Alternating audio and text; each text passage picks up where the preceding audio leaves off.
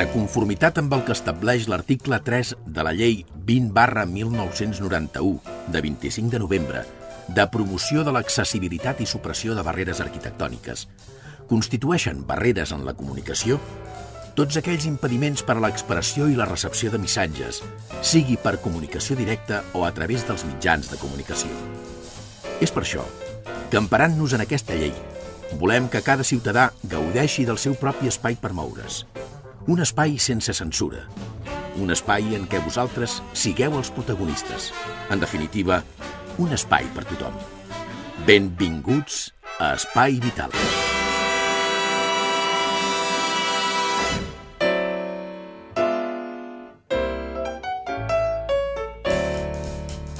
Senyores, senyors, benvinguts, ben trobats a l'espai vital d'aquesta setmana. Hola, Teresa, què tal? Hola, bon dia a tothom. La Teresa, la Teresa és la nostra cuinera adaptada. I vostès diran per què? Perquè tots els plats que ens cuina aquí en directe, vostès els poden fer amb una sola mà. I per què això? Doncs perquè la Teresa ha patit un ictus i ara només li funciona. La mà dreta La llengua. I la llenga.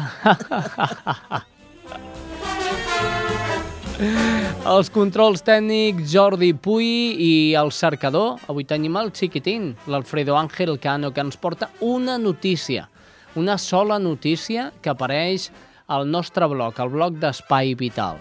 I com accedir a aquest blog? Molt fàcil. Aneu a Google, que és el buscador, i poseu Espai Vital. La primera opció que surt és el blog d'Espai Viral.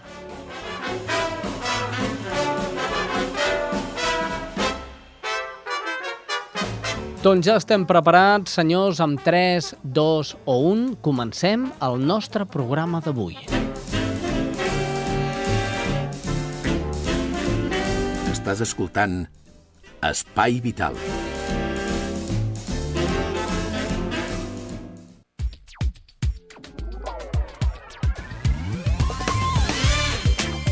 L'entitat Illa Blanca eh, recaudarà fons mitjançant un concert que, que faran els gossos. Tu, Tres, els gossos, tu coneixes? Gossos o gats. Jo m'agraden els gats, també. no, gossos. És Ah, una formació sí, de- rockera que, és, que a part és, és molt Sí, no, bona. no. Que avui no, avui no posarem els gossos per no, escoltar-ho. avui no. Avui posareu el que dic jo, Manel. El Manel. Eh, bueno, doncs avui ja posarem Manel al final del programa.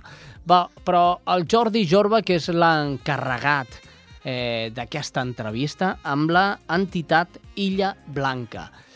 Ells ens parlen d'un concert eh, commemorant el nou disc dels gossos que es diu Dia 1, és el nom del disc, i el nom de la cançó, eh, d'una de les cançons principals d'aquest disc. Doncs Illa Blanca, com ha de recaptar fons, eh, en Jordi Jorba parla amb ells i els hi diu a veure com el recaptaran. Ells diran amb un concert de gossos. Però bé, escoltem el Jordi Jorba. M'han dit que avui acabes d'arribar després de tant de temps. No saps com t'enyorava. Jo anar fent, pencant com de costum. Ara faig torn nocturn. I això és una putada. Divendres, a 29 d'octubre, Els Gossos, una banda manresana amb llarga experiència en el panorama musical del país, oferirà un concert molt especial a la nostra ciutat. Si parléssim en propietat, hauríem de dir que oferiran un doble concert per presentar el seu darrer treball discogràfic, dia 1, i aquest doble concert, un començarà a les 7 de la tarda i l'altre començarà a partir de les 10 del vespre. El primer concert ens arriba la informació de que serà el meu primer concert per a joves i infants de la nostra ciutat. Un concert molt especial, a més a més, perquè anirà en benefici de l'entitat sardanyolenca Illa Blanca. Nosaltres eh, volem conèixer tots els ets i uts d'aquest concert en especial i per això ens acompanyen a l'estudi de Cerdanyola Ràdio la Meritxell Giral i la Núria Casanovas d'Illa Blanca. Bon dia a les dues. Hola, bon dia. Bon dia. Un concert molt especial eh, perquè eh, serà en benefici, en pro de la vostra entitat. Com sorgeix la possibilitat de que una banda tan, diguem-ne, amb un nom tan creat, amb un currículum tan important, col·labori amb una entitat com vosaltres, Illa Blanca?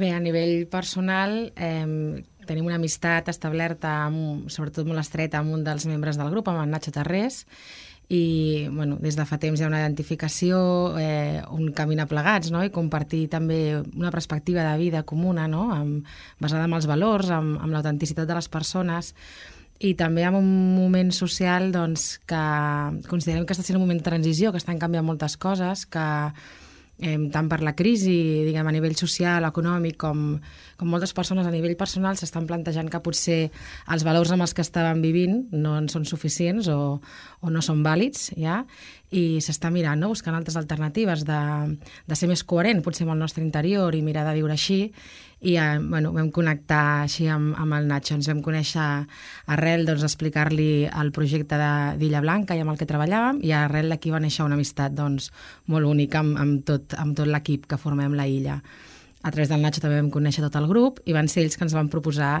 doncs, poder fer aquesta iniciativa aquí, aquí a Cerdanyola i oferir-ho tant als nens i adolescents que venen a Illa Blanca com a, com a tots els nens de la població. No? Perquè ara comentaves que els gossos van conèixer el vostre projecte, la vostra manera de treballar, vau veure que teniu un marc ideològic comú, uh -huh. si més no en aquest moment. Uh, a mi el que m'agradaria és que ens expliquéssiu de manera entenedora què és el que fa Illa Blanca, com treballa Illa Blanca i, i per què doncs, uh, aquesta connexió. Si més no, si us coneixem una mica sabrem per què heu connectat amb gossos. Què és el que feu, uh, Núria? Com, com treballeu amb la gent? Mira, nosaltres, Illa Blanca, som una ONG, per tant, som una entitat que treballem sense cap ànim de lucre i tenim per finalitat donar atenció psicològica i psicomotricoterapèutica a nens que han patit algun tipus de pèrdues. Nens des d'una pèrdua d'un ésser estimat fins a ruptures familiars, maltractaments, dols migratoris. En, en una perspectiva, qualsevol infant o adolescent que ha patit una situació i que ha de fer realitzar tot un procés d'acceptació d'aquesta nova realitat que està vivint. Llavors, nosaltres, el nostre planteig, la nostra metodologia terapèutica, eh, està encaminada a un autoconeixement. No? Creiem que donant les eines i el suport necessari a qualsevol nen o adolescent que passa per un tipus de situació així, ell es pot retrobar amb si mateix, amb els seus recursos innats, amb aquelles actituds i valors més sants que l'ajudaran no? a superar, a tirar endavant aquelles dificultats que té, acceptar-se, també acceptar el seu entorn i acceptar a la nova realitat. En certa manera és trobar el dia 1, això sí que té sentit, penso que us lliga als gossos i a vosaltres. Sí. Uh, Explica'ns-ho, Meritxell, això del dia 1 als gossos, uh, penso que passen, parlen en certa manera de refundació, de renaixement. Com, com, com lligaríem aquesta, això, aquest nom, el dia 1 amb gossos i Illa Blanca? De fet, bueno, va ser curiós perquè, clar, dia 1 ells l'han anat elaborant durant molt temps, però sí que a l'explicar-nos-ho va ser poc abans de que estrenessin el disc, no? el, el, el el títol que hi posaven en el, en el, en el nou treball i la raó. I, de fet, bueno, tots els gossos expliquen que, que ells han posat el dia 1 com en un moment no? de, de, de canvi, de revulsiu i de, i de replanteig eh, personal i social, eh, sempre ha d'haver-hi un dia un, no? un dia que et dius, bueno, doncs em plantejo començar a, a esforçar-me doncs, per viure d'una altra manera, a donar un gir a tot allò que he estat alimentant moltes vegades i que ja estem ve veient, no? ja, estem, ja estem tastant el, el gust que això ens està, ens està deixant no? a la boca i no m'omple i començar de nou, no? Moltes vegades la primera cançó que, que inicia el disc que és dia 1, eh, el que parla és això, no? d'una perspectiva nova de futur, d'un nou pas, en el qual forma part d'un camí on hi ha diferents etapes, són conscients, no? parlen de que estan a meitat de camí, i però que cada etapa nova ha de ser no? amb aquesta empenta de, de reiniciar i reescriure'ns moltes vegades no? que, que fa. De fet, és bonic perquè ara preparem el concert amb els grups d'infants que estem treballant ahir. Jo treballava amb aquesta cançó i, evidentment, d'edats molt diferents i era molt bonic veure el que ells entenien. Nosaltres no els donem mai una explicació de què signifiquen les coses, sinó escoltem i els deixem l'espai perquè cadascú expliqui el, el que li ressona no, de tot allò i, i cadascú identificava els seus diasos, no? des de eh, el replanteig en el moment en què ells han viscut una pèrdua diferent, no? des d'un nen que ha perdut potser el seu pare a, a, a algú doncs, que, que ha vist que potser el seu pare, per exemple, el, el portava a vendre, a vendre droga i, i amb una edat, doncs, amb 10 anys, dir jo això no ho vull, no? i demanar ajuda a la seva mare o a serveis socials, el que sigui, i plantejar-se, no? jo puc viure d'una altra manera, identificar què diu. Ah, per exemple, nanos no, que ahir comentaven doncs, el seu primer dia d'institut després d'acabar la primària i passar a l'institut, la gran por que tenen no, d'aquest canvi i, per exemple, dibuixaven el seu dia 1 com l'entrada a l'institut i dir, bueno, tot i la por que tenia, vaig fer el pas i vaig entrar, no? I posar la balança, allò que ens mou per tirar endavant. Llavors, realment va ser molt bonic el veure la identificació aquesta, no? de, de bueno, el que treballem a l'illa no? i el que mirem de respectar la persona i que cada dia sigui un dia 1 i el sentit no? d'aquest nou treball de gossos. Molt bé, doncs ens quedem amb això, amb Meritxell Giral, Núria Casanovas, moltes gràcies a les dues per haver estat amb nosaltres. Ràdio, el divendres, el dia 29 d'octubre, és el concert a les 7 de la tarda, les entrades a la venda ja a l'Ateneu, a 6 euros, compreu-la ràpid perquè segur que s'acabaran. Sí. Adéu-siau, molta sort. Moltes gràcies. Adéu. Avui, avui ja hem despertat. Fet una passa cap al lloc que hem somiat. Tot està bé, no has de patir per mi. És la meva aposta, algú em dirà destí. Ens retrobarem, ara hem de fer camí. Tu, tu ja ets part de mi. Plou, escric en un paper totes les coses que no vull ser. Soc, soc a mig camí. Segueixo l'etapa i de pujar fins al cim. Tot està bé, no has de patir per mi. És la meva vida que amb tu estic compartint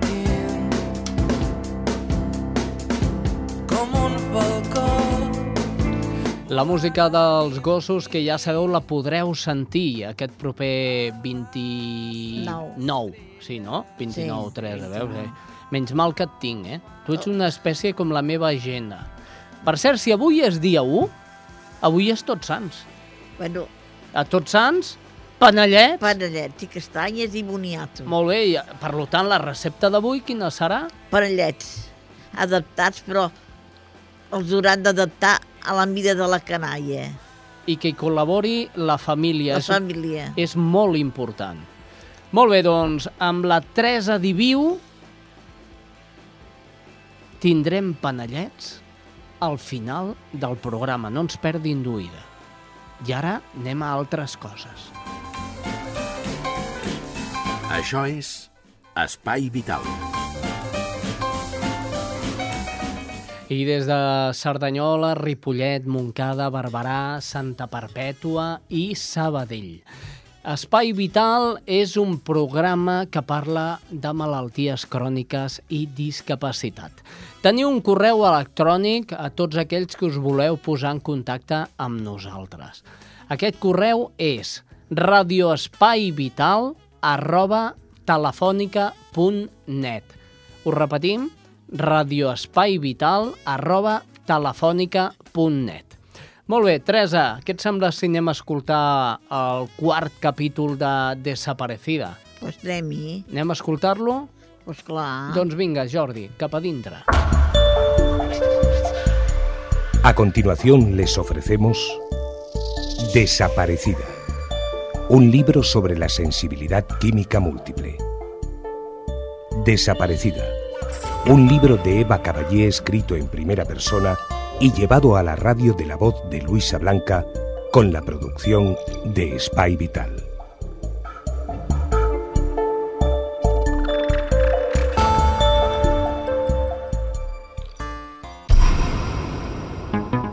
Cambié de trabajo con gran ilusión, porque era una responsabilidad enorme a mis 27 años ponerme al frente de un departamento y reorganizarlo, pero fue un grave error. Estaba a una hora de Barcelona y cada día cogía el tren a las 6.40 de la mañana. Además, al no poder comer en bares o restaurantes, no tenía otra opción que tirar de comida fría que me preparaba el día antes. Pagué muy caro el madrugar tanto y no alimentarme bien. Pero en esa época pasó algo que cambió el rumbo de mi vida. De apariencia seria y callado, la primera vez que nos conocimos ya saltaban chispas entre nosotros. A pesar de no ser de Barcelona, se fue a vivir con unos amigos a un piso que estaba a tres minutos de mi apartamento. Fue entonces cuando finalmente nos conocimos. Siempre me habían gustado los chicos nórdicos, rubios, de ojos azules y piel clara, y tuve la suerte de encontrar uno que hablara mi idioma. David es lo mejor que me ha pasado en esta vida. Fue curioso porque yo no quería salir con nadie, y él menos. Un día juntamos a sus padres y a los míos para que se conocieran y fue entonces cuando les soltamos la noticia. Nos casamos, les dijimos cuando el camarero terminó de servir el cava. No me lo creo. Debe de ser una broma. ¿Tienes alguna prueba? Me dijo mi padre mientras mi madre se bebía de golpe su copa de cava. Los padres de David le preguntaron si yo le había convencido y los míos si había sido él. Nadie se lo creía. Como ya nos lo esperábamos, porque tanto él como yo llevábamos toda la vida diciendo que nunca nos casaríamos, habíamos traído el resguardo que nos dieron en el registro civil para demostrar que íbamos en serio. Habíamos decidido casarnos a los cinco meses de estar juntos. Mentiría si dijera que el día de la boda fue el día más feliz de mi vida, pero fue muy especial, porque tuvimos la boda que exactamente deseábamos. Ni fotógrafos, ni vídeos, ni vestidos, ni iglesias, ni pastel de boda, ni despedidas de solteros, ni viajes programados. Una ceremonia sencilla con los familiares y amigos íntimos, seguida de una comida informal. Y para acabar, una fiesta nocturna en un bar que alquilamos con amigos, barra libre y buena música que nosotros mismos preparamos. Sencillamente hicimos lo que queríamos, fuera de todo convencionalismo, ya que evidentemente los dos pensábamos igual. A los dos años de cambiar de trabajo empezaron las hipoglucemias. Un par de veces tuve que ir a urgencias. También comencé a tener problemas para tolerar el calor y en invierno lo pasaba fatal con la calefacción, llegando a tapar las rejillas del aire caliente que tenía encima de mi mesa para evitar los mareos constantes. Cogí bronquitis muy fuertes. Una me tuvo tres semanas de baja. Además, entonces empecé a tener problemas con alguna colonia que me ahogaba. Me había pasado años antes, pero ahora me pasaba más a menudo. Recuerdo que una chica la llevaba y más de una vez tuve que abandonar la oficina ahogándome. Le pedí que no se la pusiera, pero se lo tomó a mal, pues según decía era su perfume favorito. ¿Cómo le voy a pedir yo a alguien que deje su perfume predilecto por una tontería como ahogarse? Además, esto sirvió para que cierta gente envidiosa se burlara de mí. Por fin tenían un arma para criticarme, ya que no podía ser por mi trabajo, fue otra vez por mi salud. Muy típico en este país. Luego estos solos que van desensibles por la vida, llorando si ven un perrito abandonado en la carretera. Lo siguiente fue un aumento brutal de la alergia al polen, que conllevó uno de los errores más graves de mi vida, vacunarme. Si entonces hubiera sabido todo lo que sé ahora, nunca me hubiera vacunado. Fue entonces cuando al inyectarme la vacuna tuve por primera vez en mi vida una crisis de sensibilidad química múltiple, aunque yo no sabía lo que era. Me ahogaba, tenía taquicardias, me desorientaba y me quedaba sin fuerza. Pero como al cabo de las horas todo pasaba y sin tomar ninguna medicación, nadie le daba importancia. Estuve cinco años vacunándome sin resultado alguno, y los últimos años la alergia ya me obligó a llevar una máscara de papel para ir por la calle los dos o tres meses que dura la polinización de los plátanos, ya que ninguna medicación me hacía efecto. ¡Mirad, mirad que lleva esa en la cara! Gritó una niñata gorda en sentada en la mesa de un bar mientras David y yo caminábamos hacia casa regresando del trabajo. ¡Gripa aviar! ¡Gripa aviar! Siguió gritando la chica mientras sus carnes rebotaban en la mesa y sus amigos le reían las gracias. Al principio no quería rebotarme, pero ya no me quise contener más. Cuando pase la primavera, yo volveré a ser una chica normal y tú seguirás siendo una gorda infame, le repliqué haciéndola callar. Por primera vez tuve que aguantar que en la calle se burlaran de mí por llevar mascarilla. Lo que yo no sabía es que esa inocente máscara de papel pronto se convertiría en una enorme de silicona y carbón activado que sería mi compañera inseparable cuando quisiera, o mejor dicho, pudiera pisar la calle. También entonces empezaron las anemias de hierro, el síndrome premenstrual agudo, cuando nunca antes lo había tenido, dolores musculares que más o menos controlé con ejercicio y masajes, y me detectaron un hipotiroidismo subclínico con los anticuerpos elevadísimos, al que no prestaron más atención ni hicieron seguimiento alguno.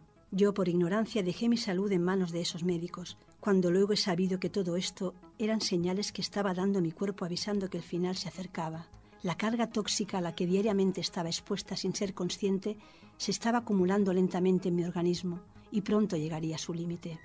Es muy duro revisar tu pasado y ver que podrías haber hecho algo para no acabar tan enferma si la enfermedad que sufres estuviera reconocida y los médicos conocieran sus síntomas.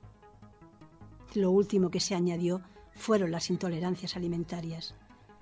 No sabía qué me pasaba, pero cada vez podía comer menos cosas y no tenía nada que ver con mis temidas alergias. Siempre tenía el estómago hinchado, sufría bajadas de azúcar, taquicardias y más de una vez acababa vomitando. Se lo comenté a mi alergólogo y me habló de un novedoso test que acababa de llegar a España para detectar intolerancias alimentarias. Dijo que era muy caro, que por eso no lo aconsejaba a menudo, a pesar de los excelentes resultados que estaba dando, pero que quizás en mi caso me iría bien. Y gracias al test ALCAT supe por fin a lo que tenía intolerancia, que resultaron ser alimentos que tomaba diariamente. El gluten, que no fue una sorpresa cuando mi sobrino fue diagnosticado de celiaquía el aceite de oliva y el arroz. Pero lo más importante es que me salió intolerancia a la mayoría de colorantes y conservantes. Entonces empecé a leer las etiquetas de los alimentos desde otra perspectiva. Los alérgicos alimentarios estamos acostumbrados a revisar siempre los ingredientes con extrema cautela, por si alguno nos produce alergia. Pero entonces me di cuenta de que casi todo llevaba los colorantes y conservantes que yo no toleraba. Para mí todo esto era un mundo nuevo, pero me fui informando y resultó que varios de estos aditivos llevan prohibidos desde los años 70 en países como Estados Unidos y Canadá por ser cancerígenos. Fue entonces cuando tomé la decisión de pasarme a la alimentación ecológica. Por una vez mi cuerpo estaba rechazando con sentido. Llegado este punto, ya era totalmente consciente de que no podía confiar en las autoridades de este país, que permiten que nuestros alimentos sean un veneno para nuestro cuerpo. También fue entonces cuando cambié de trabajo, porque por salud ya me era imposible seguir allí. Y me fui a una empresa Sita en Barcelona, que casualmente estaba trasladando sus oficinas y las nuevas estaban a 15 minutos de casa andando. Drástica, radical, sin mirar atrás, cambié mi alimentación, asumiendo las nuevas limitaciones sin quejarme. Además decidí no volver a probar el alcohol, ni en celebraciones. Gracias a estos cambios viví los dos mejores años de mi vida. Estuve más sana y fuerte que nunca y no cogí ni un resfriado, cosa rarísima en mí. Otra vez me adapté a las limitaciones y conseguí rehacer mi vida.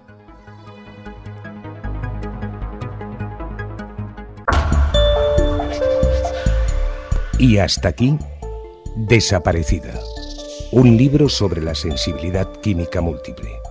Desaparecida, un libro de Eva Caballé escrito en primera persona y llevado a la radio de la voz de Luisa Blanca con la producción de Spy Vital.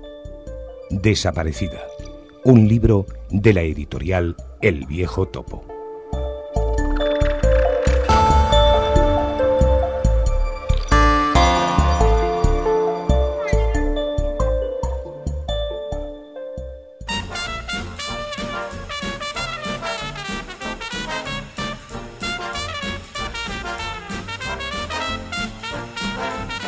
Espai Vital.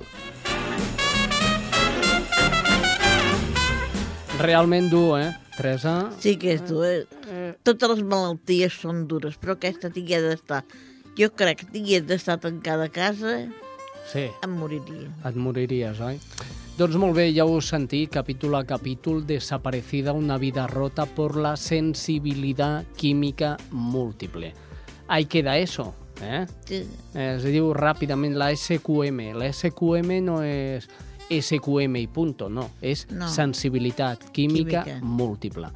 I moltes coses més que la pobra noia arrossega amb aquesta malaltia. Doncs molt bé, després de Desaparecida és el moment de, com deia un amic meu, enllustrar-nos. Eh? Amb qui? Amb qui? Amb el Jordi Condal, Poeta coix. el poeta coix. Doncs som, anem a escoltar-lo. mans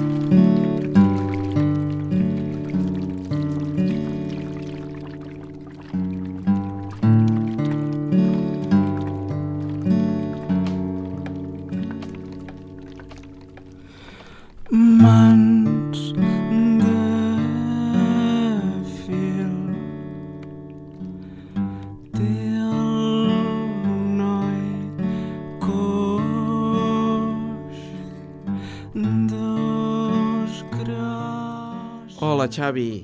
Hola, amics oients d'Espai Vital.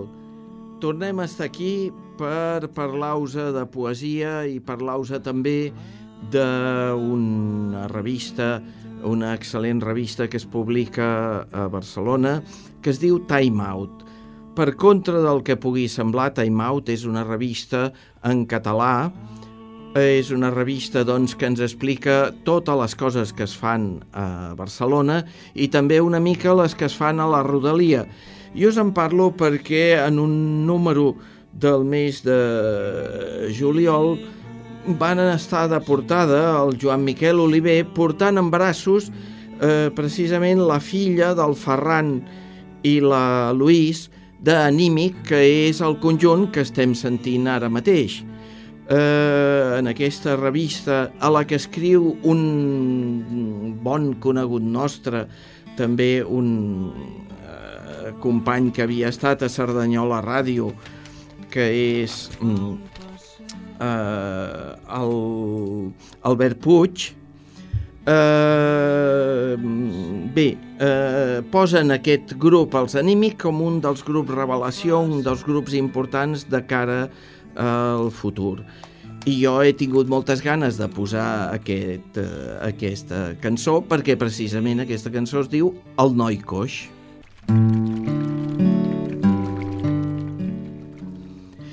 Anem a llegir un poema de l'Antoni Marí eh, del seu llibre Un viatge d'hivern. Aquest és un poema, l'Antoni Marí va passar una gran depressió, una depressió tremenda que el va tenir immobilitzat pràcticament molt de temps i aquest és un dels llibres escrits durant o recordant aquesta depressió.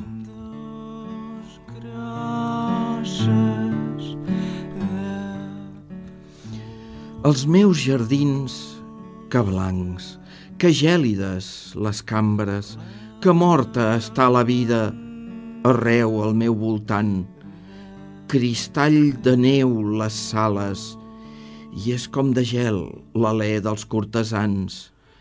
Que curtes les jornades, que foscos els topants, que llarga la tenebra dels dies hivernals.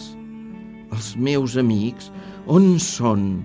On són les velles dames, els músics i els infants? No pot mudar l'hivern la voluntat del príncep. No pot la seva ànsia dissoldre la gelor. Les meves mans són mortes, gebrats tinc tots els dits. No puc prendre la ploma ni fer sonar el flautí. No puc, amb la viola, els vents a serenar, ni fondre la gelada amb l'arc del violí. No puc llegir els llibres amb llum septentrional. La meva ment es gela, talment com el palau. Estic morint, tot sol, enmig de la gebrada, i cap estel pot sostenir el meu plany.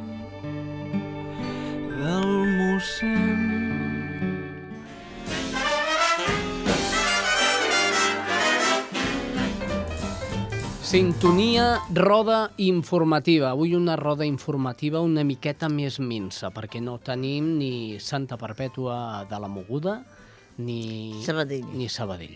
Doncs molt bé, comencem amb Cerdanyola. Allà es troba la Mònica González. Hola, bon dia. Molt bon dia, Xavi, des de Cerdanyola Ràdio.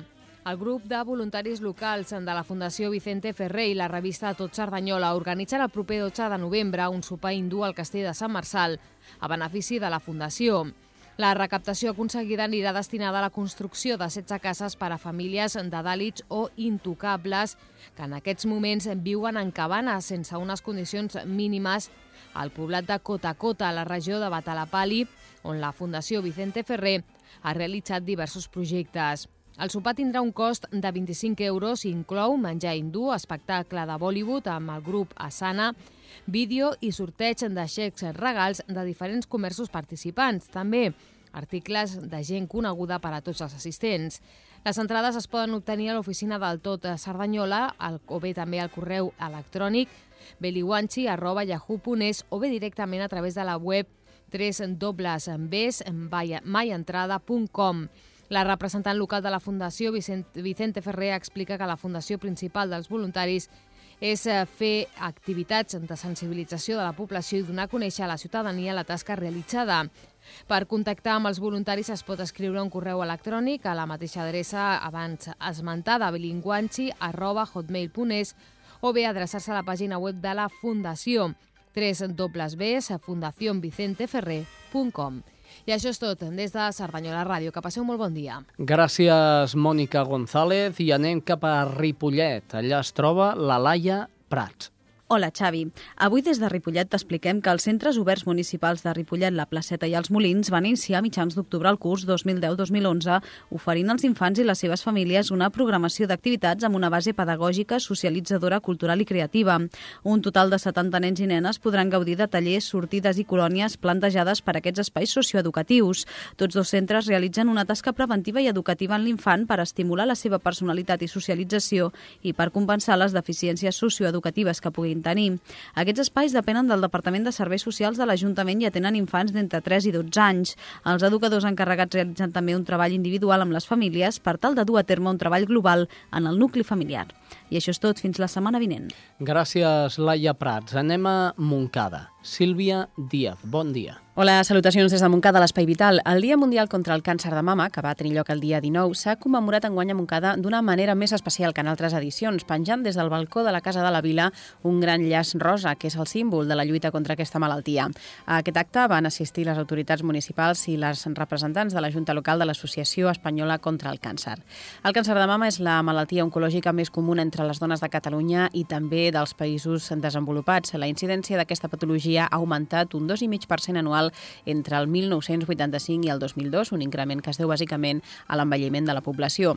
Contràriament, la taxa de mortalitat ha disminuït gràcies fonamentalment al progrés dels diagnòstics en les etapes precoces de la malaltia, a les mamografies i a les millores dels tractaments. Actualment, el 80% de les dones diagnosticades sobreviu a la malaltia.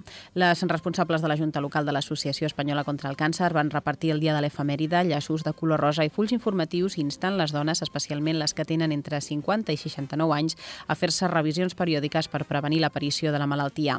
De fet, CatSalut les convida per carta a fer-se una mamografia. Totes les dones entre aquesta franja d'edat han de rebre una invitació per fer-se la prova i les que no l'hagin rebuda poden trucar i demanar cita Sanitat Respon al telèfon 902 111 444. Doncs bé, això és tot per avui. Fins la setmana vinent. Gràcies, Sílvia Díaz. Per últim, ja a Barberà. Allà es troba la Judit González. Salutacions des de Ràdio Barberà. El passat 19 d'octubre es va celebrar a tot el món el Dia contra el Càncer de Mama i a Barberà del Vallès la Junta Local de l'Associació Espanyola contra el Càncer va commemorar aquesta data duent a terme una important tasca de conscienciació a la ciutadania. D'aquesta manera, les membres de la Junta Local van visitar el Mercat Municipal 11 de setembre amb l'objectiu d'informar i conscienciar sobre el càncer de mama i la detecció precoç de la malaltia. Així van repartir díptics i llaços solidaris roses, el color que s'associa a aquesta malaltia. A més, durant tot el dia, la façana de l'Ajuntament va lluir una pancarta commemorativa sobre el Dia contra el Càncer de Mama. A més, des de la Junta Local s'està duent a terme una nova campanya que explicava una de les seves membres. Ara estem fent una campanya que venem uns rellotges molt bufons mm, a 5 euros i són a favor també pel càncer de mama. Són de color de rosa perquè és el color del càncer de mama, són digitals i són molt graciosos. No és una cosa bona, sinó que és bona per, per nosaltres, per l'associació i per les persones i perquè les coses puguin tirar endavant. Sí, so, són a 5 euros. Cal recordar que aquest tipus de càncer és el més mortífer entre les dones i que també pot afectar els homes. Un cas d'aquest tipus es presenta per cada 100 casos de dones. S'estima que aquest 2010 s'acabarà amb més de 5.000 nous diagnòstics de càncer de mama a Catalunya.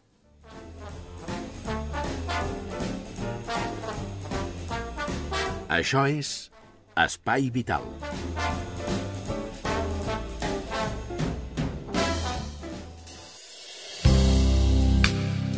El passat 19 d'octubre es va celebrar arreu del país el Dia Internacional contra el Càncer de Mama. Entre les delegacions que celebraven aquest dia hi havia la de Ripollet i la, una de les voluntàries encarregada de la premsa és la Margarida Ribas, a la que saludem. Margarida, bon dia. Hola, bon dia. Molt bé, quines activitats veu realitzar per aquest dia?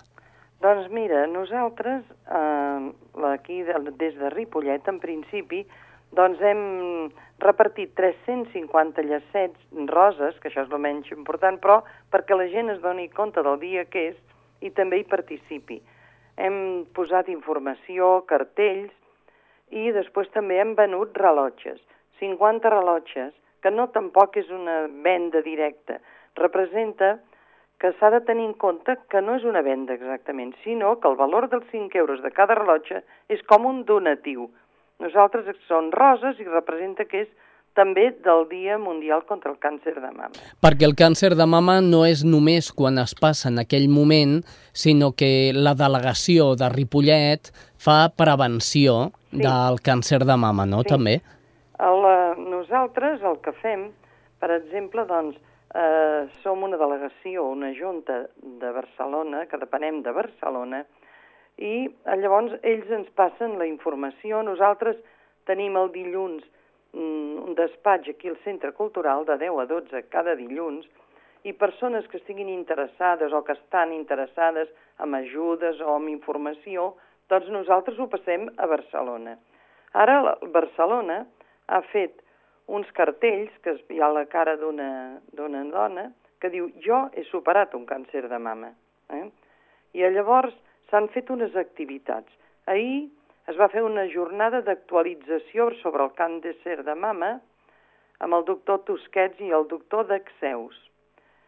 Després, avui aquest matí, s'ha fet un taller, bueno, el dia 19, es va fer el matí un taller sobre el càncer de mama i l'alimentació.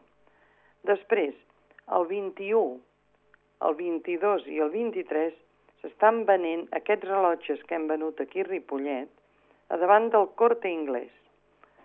I després, el 24, es farà la cursa de la dona. Es recorreran els carrers de Barcelona en un circuit d'una volta i participa a la marea humana que organitza l'associació, dient uneix-te la lluita contra el càncer de mama. El 26 hi haurà un concert benèfic al, al Rock Café. Mira, això en principi és doncs per, per que la gent sigui conscient dels problemes que pot portar després de que la gent es faci les, les revisions i que si ha passat o li diagnostiquen pot trobar ajuda eh, amb la nostra associació. Eh? És O sigui, important... hi ha unes preguntes, hem repartit uns fulletons, perquè l'Associació Espanyola ofereix un programa de suport per les persones que els hi han diagnosticat el càncer de mama. Es diu Molt per viure i pot ajudar a afrontar la malaltia i a millorar la qualitat de vida eh, a través d'atenció psicològica per ell, per la malalta i pels familiars. Informació i suport davant el diagnòstic, el tractament i la presa de decisions. Orientació a la recerca de recursos socials, ajuts econòmics, socials, pròtesis. Es pot recomanar un estil de vida saludable, alimentació, exercici físic, cures estètiques, consells pels afectats i pels efectes secundaris. Tu, Margarida, Sí. deies la, la important la revisió per la detecció precoç és del càncer de mama. les revisions. Sí. I a vegades hi ha uns petits, unes, unes petites símptomes que la gent no es valoren, les dones no es valora massa, i així també se'ls hi fa veure doncs, que s'han de fer la revisió perquè si es det quan abans es detecta, abans es pot curar. Molt bé, dona'm uns símptomes perquè la gent que estigui a casa pugui palpar-se i saber quins símptomes s'ha de notar. Mira, normalment els símptomes mm, que es veuen més és un mugró que es tira dintre, o sigui, del pit, que està ficat a dintre. Pot ser que no sigui res, però pot ser que hi hagi algun problema. Un petit bulto, petitó, eh, després els, sota els braços, els ganglis poden estar afectats i pot costar moure una mica el braç, més o menys amb una cosa d'aquestes, i a vegades no hi ha cap símptoma, i també s'ha trobat perquè és més intern. Eh? I llavors ja et dic, l'associació posa a disposició aquests professionals tot gratuït. Molt bé. Eh, Eh, vols, si vols et puc donar el telèfon. sí, senyor, ara anem amb això. A on sou o on us poden trobar, on us poden trucar eh, qualsevol persona que sospiti que pugui tenir símptomes? Mira, aquest programa que es fa molt per viure, el telèfon és el 900 100 036. 900 100 036. Sí. I després també a la web eh, www.aecc.es i es pot preguntar per aquest tema, pel, mo, eh, per les activitats que s'ofereixen amb molt per viure, i llavors també rebran eh, assessoria, s'assessoraran a través de, de metges, psicòlegs, eh? o sigui que els hi els programes que es poden fer i les activitats i també una mica per ajudar a acceptar.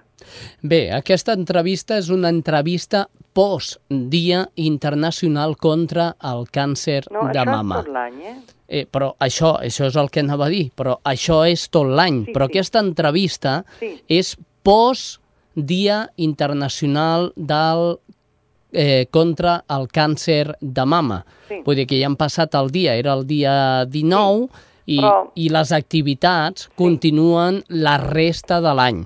Sí. Però que sàpiguen vostès que el Dia Internacional contra el Càncer de Mama va ser el dia 19. Sí. Eh? És quan hem repartit aquests fulletons, que sempre els tenim. Perfecte. Sempre, al despatx sempre n'hi han. Però aquest dia es fa més promoció perquè potser la gent s'hi fixa més. Molt bé, doncs Margarida Ribas, eh, gràcies, com sempre, a la teva atenció amb Espai Vital i t'animem a seguir lluitant com ho estàs fent al capdavant d'aquesta delegació de Ripollet, que encara que no siguis presidenta, ets una part molt important. Bueno, una voluntària. Gràcies i bon dia. Molt bé, gràcies. Això és Espai Vital.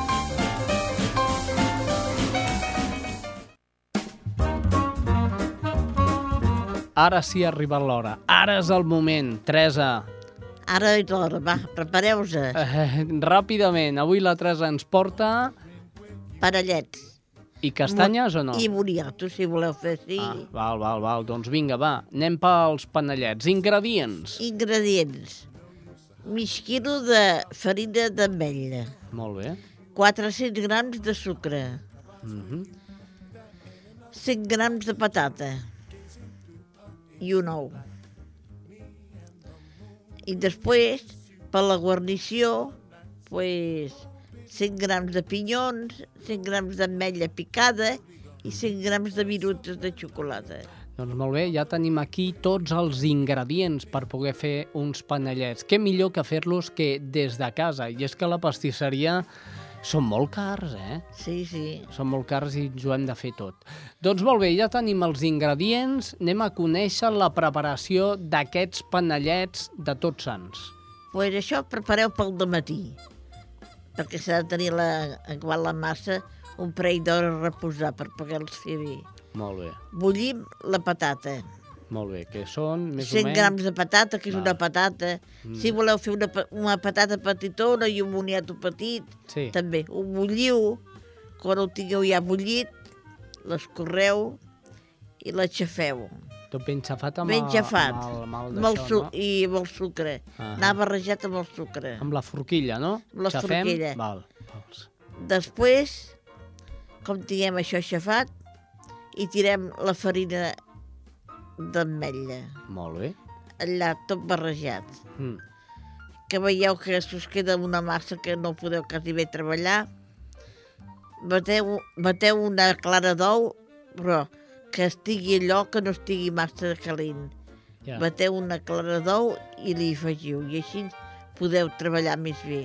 La Clara d'estar a punt de neu o Pues quasi bé. Quasi bé punt de neu, no? O si no, ben batuda, que estigui desfeta, que no es trobi que la, Val, val, allò aglomerat. Molt bé. No fa falta que estigui a punt de neu, però si No. ho feu a punt de neu encara millor, fins Sí. i tot. Molt bé. Doncs pues ho barregeu... Tot barrejadet. Ben barrejat. Mm. I ho deixeu reposar un Sí. parell d'hores. Mm. En acabat, ho esteneu i aneu fent... Pues si heu de fer de pinyons, d'ametlles i de xocolata, feu tres particions de tota aquella massa. Mhm. Una per cada cosa. Molt bé. Aneu fent boletes, pues una, pues una massa pues la guardeu pels pinyons, eh, la passeu per, per l'ou que heu deixat al rovell Mm. I el, passeu per allà si voleu. Per I l'ou que ha deixat el rovell no acabo No. d'entendre-ho. eh, l'ou que heu deixat a part. Ah, val, vols dir el rovell que hem El deixat rovell, a part. El a part. rovell que hem deixat a part, Bueno, molt no, bé. jo crec que ja us enganxarà bé. Els pinyons i les ametlles. Sí, I després l'altre tros de massa, Sí. pues hi posem la xocolata allò virutes, les de, ho barregeu també bé sí. i aneu fent boletes. Uh Poseu al forn a 180 graus 180 o 200, graus. o 200 graus. Eh, què dius ara, 300? Sí, 200. Ah, 200. Eh, 180 o 200 O graus. 200 graus. Apunteu això que és important. Sí, Aneu al tanto que els de xocolata de seguida queden cuits. mm, bé. Poseu primer els de xocolata Mm, i aneu vigilant. Després poseu els altres. sí. Com veieu que comencin a tornar-se rossos, ja, ja els podeu treure. Bé, perquè de fet la massa ja, Ja està està cuita, cuita, no? sí. Clar, val, val. Molt bé, doncs aquests panellets de la Teresa Diviu, que jo us recomano que el feu, perquè jo ja els he fet i ja els he provat. Ara un altre truco. Sí, Els de pinyons és quan després amb un pinzell agafeu el rovell d'ou i els pinteu, mm -hmm. com els d'ametlla. Sí. I així queden més lluents. ah, val, molt bé, molt bé. Per això volia quatre el rovell d'ou. Ah, colló, doncs ja està, ja sabeu per què utilitza el rovell d'ou. Després tingueu boniatos cuits, Sí? tingueu les castanyes cuites Mm. i un gotet de mistela. Un gotet de mistela per Sí. acompanyar el plat, no? Home, esclar. doncs molt bé, fins aquí a, a la cuina adaptada de la Teresa Diviu. Mm, De veritat, tu hauries de dir que tingueu molt bon profit. No Ai. ho diu l'Arguinyà, no? Doncs Això, La Teresa... que aprofiti. Molt bé. I fins la setmana vinent. No tenien que posar la música. Mira, aquí la sents, no la sents? Qui és? Qui és? El Manel. I quina cançó canta? Cal... En la, en la ja, cal... ja no me'n recordo. en la que el Bernat es troba, se't troba. En la que el Bernat se't troba. Si el problema són ells, que fiquen uns noms tan Sí. complicats que... El Manel, senyor, la setmana que ve hi tornem. No ens perdin d'oïda i a la mateixa hora, cada una de les ràdios a l'hora que el passin, estigueu atents. Apa, adeu-siau. I amb una em vaig posar d'acord. Vam conversar, vam riure i hem fet l'amor. I m'ha parlat del seu país i de les coses que fa aquí amb un castellà força estrany, sorprenentment fluid.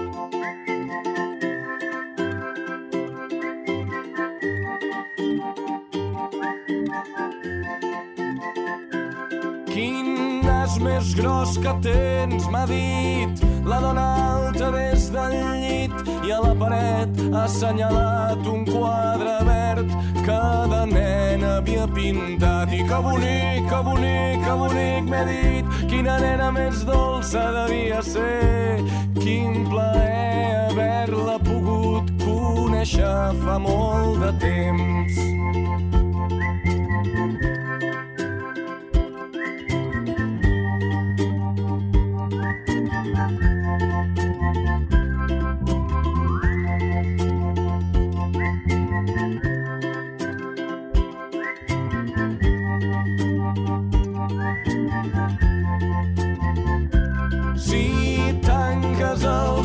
dos ulls, m'ha dit, si et quedes quieta dins del llit, t'ensenyaré una cançó que a casa em cantaven per anar a dormir. Parla d'un bosc i d'un senyor que hi viu aïllat entre oms i flors i es protegeix dels mals humans amb un exèrcit d'animals. I que bonic, que bonic, que bonic m'he dit i quina veu més fina que té. Quin plaer conèixer fa molt de temps.